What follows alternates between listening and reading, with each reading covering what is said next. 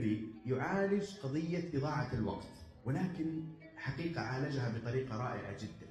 وقال عبارة جميلة في مقدمة هذه الفكرة إن من الصعب أن يسمع شعب ثرثار الصوت الصامت لخطى الوقت الهاربة عبارة جميلة جدا. ثم أخذ أديكم فنين ما تعلمتهم إلا بعد الأربعين. الفن الأول فن التقبل acceptance. إنه تقدر تتقبل الناس والمجتمع على عيوبه وعلى الخلل اللي موجود فيه علشان تقدر تتعايش معه. هؤلاء هم القليل في كل عصر. شعارهم نقاوم ما نحب ونتحمل ما نكره. نقاوم ما نحب ونتحمل ما نكره.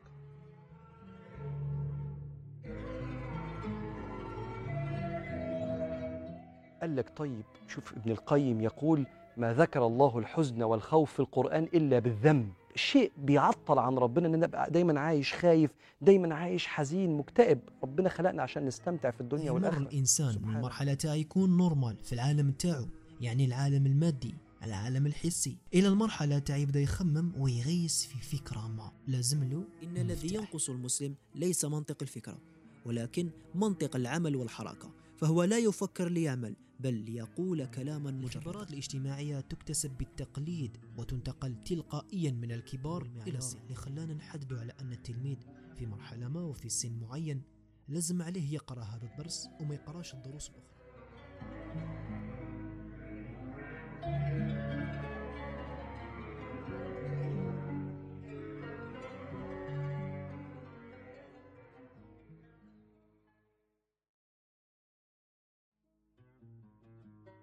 المرة اللي فاتت كنت ندور في في تيك توك. عاد خرج لي الفيديو تاع واحد كان يحكي على القابلية للاستعمار. وما تفكرت باللي هذا المصطلح طرحه مالك بن نبي في كتابه شروط النهضة. هو أول مرة في عام 1948 ما تفكرت باللي هذا المصطلح ما تكلمتش عليه في الحلقتين اللي فاتوا.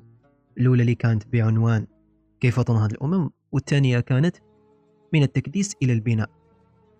ولاحظت أن هذا المصطلح مهم جدا ولازم نحكي عليه. لذا اليوم في هذه الحلقة راح نحكي على مصطلح القابلية للاستعمار. ما الذي يعني هذا المصطلح بالنسبة لمالك؟ وهل له تأثير بطريقة أو بأخرى على المجتمعات؟ وإذا كان الجواب نعم كيف نتعامل مع هكذا ايديولوجيات سنحاول الإجابة على هذه الأسئلة لكن بعد الفاصل.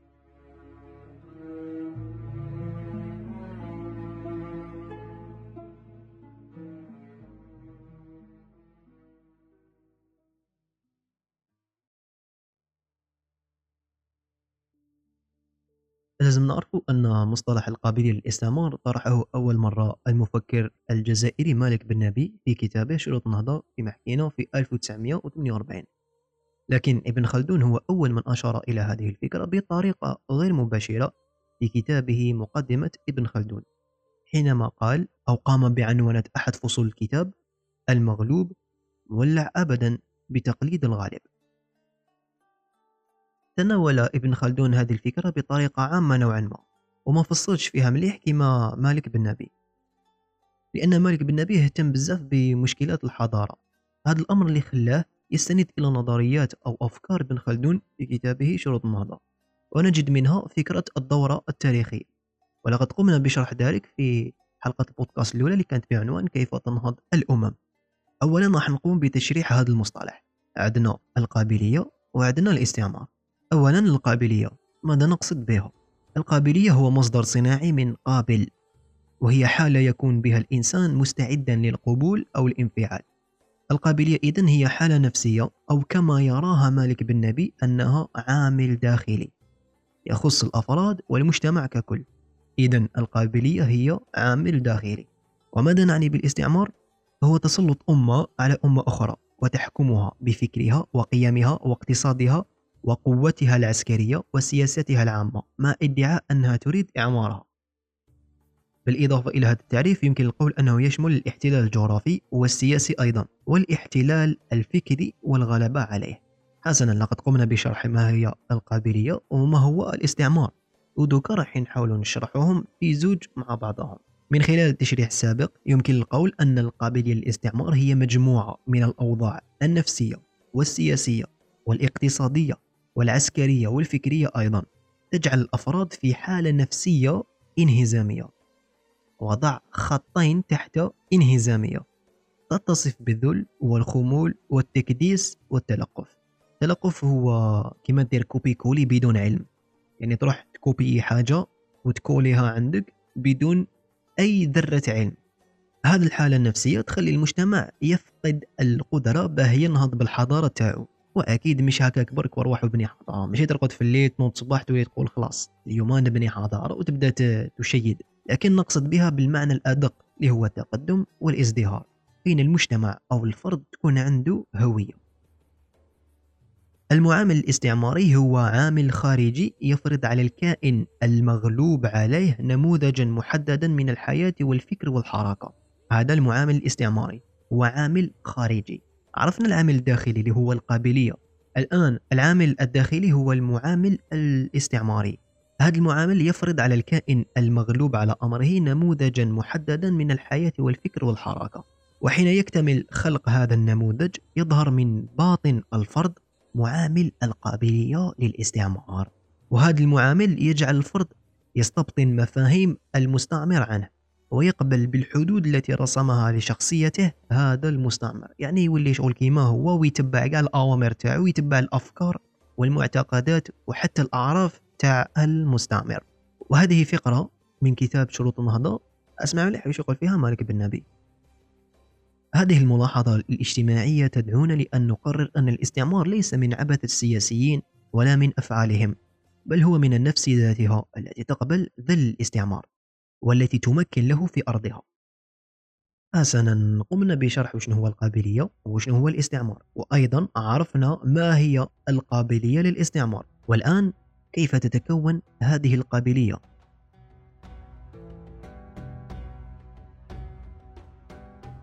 تتكون لما تكون هنالك حالة نفسية في المجتمع التي تتصف بالقصر والجهل بالتاريخ والهوية ويشمل أيضا الجهل الفكري.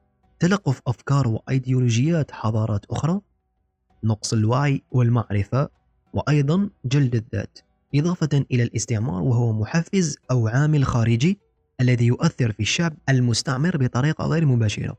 كل هذا يعطينا القابلية للاستعمار. وما هي أسباب تكون هذه الحالة النفسية الإنهزامية؟ نحكي على الطفل الصغير. يتكون وعي الطفل والشخصية تاعو من خلال الاحتكاك أو التأثر بالأسرة والمجتمع تاعو والعادات والأعراف وحتى السلطة أو البلد اللي يعيش فيه. لما يتلقى الطفل إشارات سلبية على ذاته سواء من الأب أو الأم أو الأستاذ أو حتى الحاكم هنا راح تكون عنده فكرة سلبية على ذاته. ويصبح لما يبلغ ويكبر فرد غير واعي بذاته وسلبي إلى حد بعيد ويفقد كامل الآليات باه يقدم حاجة إيجابية. وهذا الفرد جاهز باه يتقبل ويعيد نشر أي فكرة سلبية لتساعده باه يطور الأفكار السلبية على ذاته كفرد في هذا المجتمع. وهنا يبدأ يرفض أي حاجة عندها علاقة مع الهوية تاعو. وأيضا يحتقرها وما يوليش يحوز على صلة الرحم وما يحبش العادات والتقاليد ما يحبش يتعلم ولا يطور من الفكر تاعو ويرفض اللغة وحتى الدين. ولما تسقسيه يقول لك يا أخو أنا ماشي تزيدي أنا يا صاحبي ماريكاني ولا أنا يا صاحبي إكس سميها كيما تبغي. ويرفض أي انتماء للهوية ويهرب نحو قوميات وأفكار غربية مثل ما ينتجه الغرب من أيديولوجيات.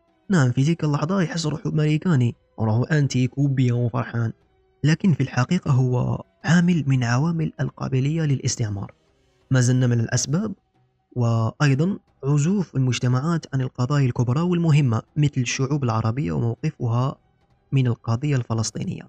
من الأسباب أيضا أن يهتم الفرد بذاته والعزوف عن الاهتمام بالمشاكل الاجتماعية ومحاولة حلها بذهنية فردانية ليبرالية بحتة. يحوس غير على روحه. يحوش على المشاكل اللي يعاني منها المجتمع ولا حتى باش يفيدو إذا كانت هذه بعض الأسباب اللي تخلي الحالة النفسية الانهزامية تتكون داخل الفرد. والآن راح نتكلموا على مظاهر القابلية للاستعمار.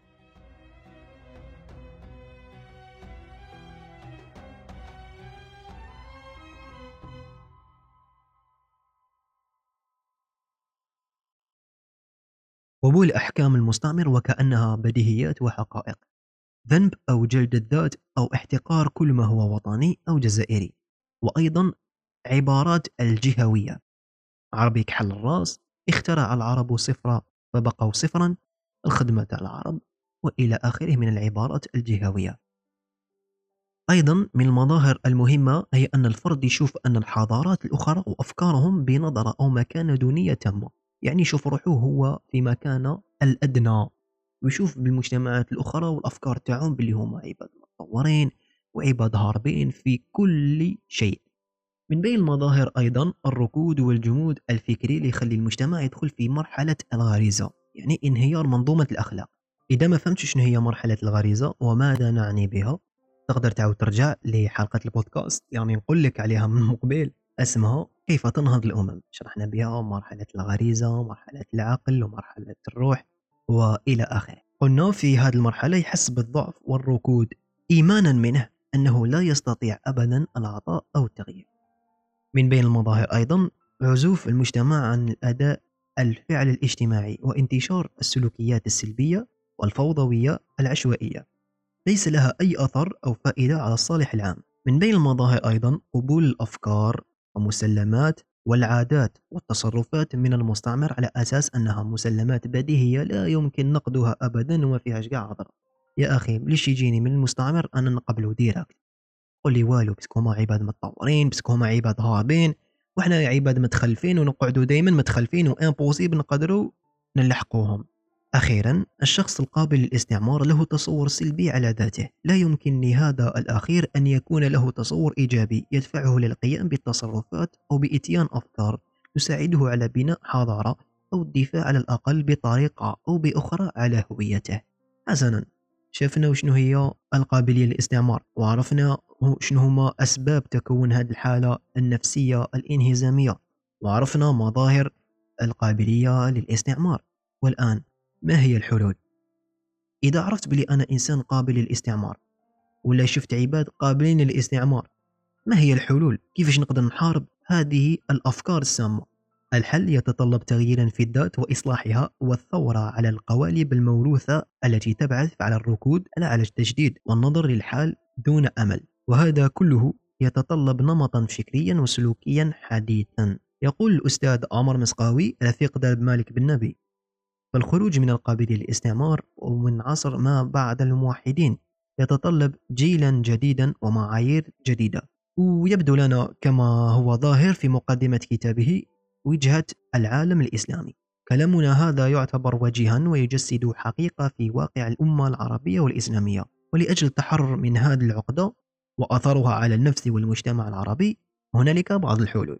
واحد ضرورة مراجعة الأدبيات التاريخية والتراثية لموروثاتنا وتنقيحها من شوائب الأساطير. باختصار ابحث في تاريخك واعرف الهوية تاعك. مش باه تتكبر على الناس ولا تنشر الجهوية لكن باش تعرف أنت شكون.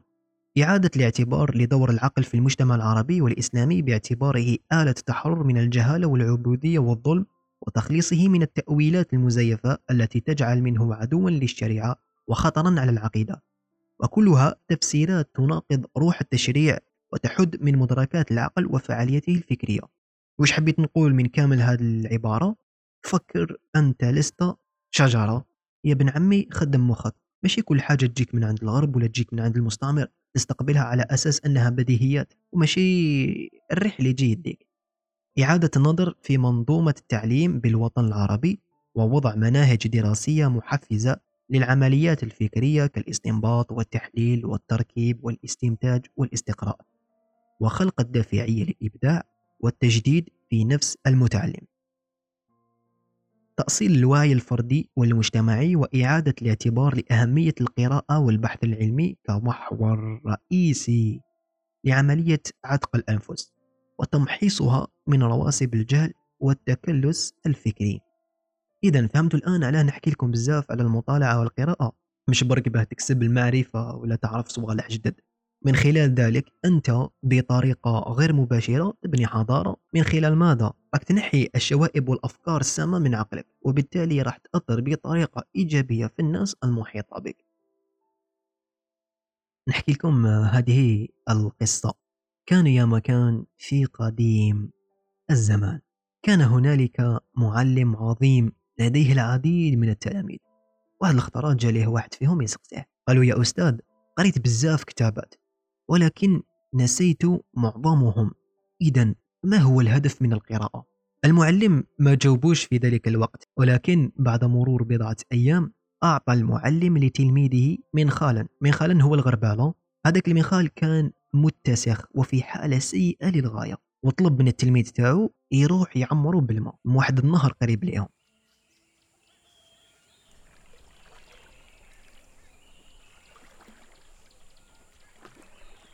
ذهب التلميذ إلى النهر وملأ المنخل بالماء واستدار ليعود إلى معلمه. لكن مشى بضع خطوات وكان الماء قد تسرب كله عبر الثقوب. فعاد إلى النهر مرة ثانية واستمر لفعل ذلك طول اليوم. يعمر يجي يعاود يولي المعلم تاعو يلقى الماء قاعد تسرب. يعاود يولي للنهر يعمر يجي يعاود يولي المعلم تاعو يلقى الماء كامل تسرب. ولم يستطع إكمال المهمة التي كلفه بها معلمه. عاود رجع المعلم تاعو بوجه حزين قائل لقد فشلت ما قدش مين نعمر لك الماء كما طلبت مني. ابتسم المعلم وقال له ما فشلتش؟ شكون قال لك فشلت؟ انظر إلى المنخل لقد صار نقيا بالفعل. ثم أخذ المعلم يشرح له الهدف من تلك المهمة وأسقط ذلك على سؤاله حول الغرض من القراءة. الغربال هو العقل الماء هو المعرفة والنهر هو الكتاب. المطالعة ماشي برك باه تكتسب أفكار ولا تقعد تشافي عليهم حياتك كامل. كما قريت كتاب تاع 12 قاعدة للحياة لجوردان بيترسون فيه تقريبا 400 صفحة. مستحيل أن نشفى على كامل الأفكار ولا كتاب مهزلة العقل البشري أيضا فيه 300 صفحة. مستحيل أنك تشفى على كل الأفكار اللي قالها علي الوردي. لكن أنت بذلك راك تحاول تنقي العقل تاعك من خلال أنك تشوف وتتعلم أشياء جديدة حتى ولو ما شفيتش عليها. إذا حكينا على بعض الحلول اللي اقترحها عمر مسقاوي. الآن راح نجاوبوا على واحد السؤال مهم. علاه لازم نعرف مفهوم القابلية للاستعمار.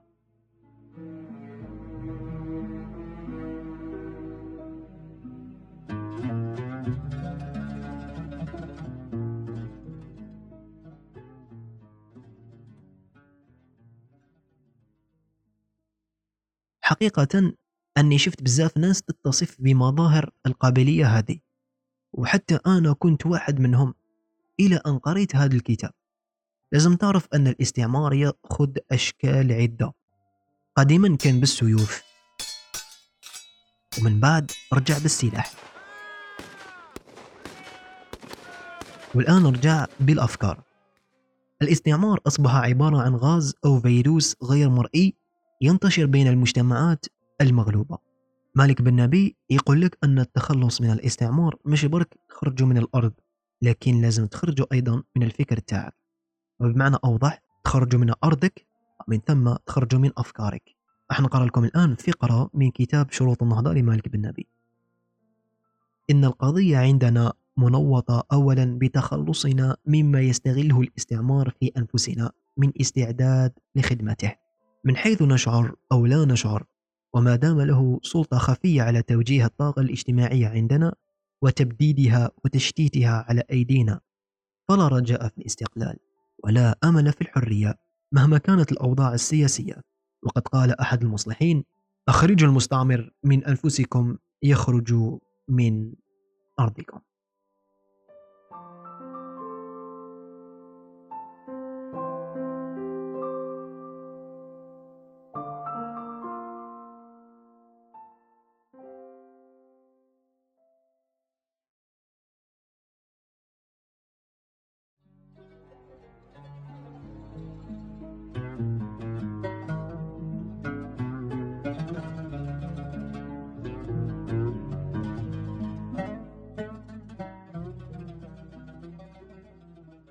وصلنا الآن لنهاية هذه الحلقة. استعنت خلال طرحي هذا على الكثير من فيديوهات اليوتيوب ومقالات مختلفة من موقع الجزيرة.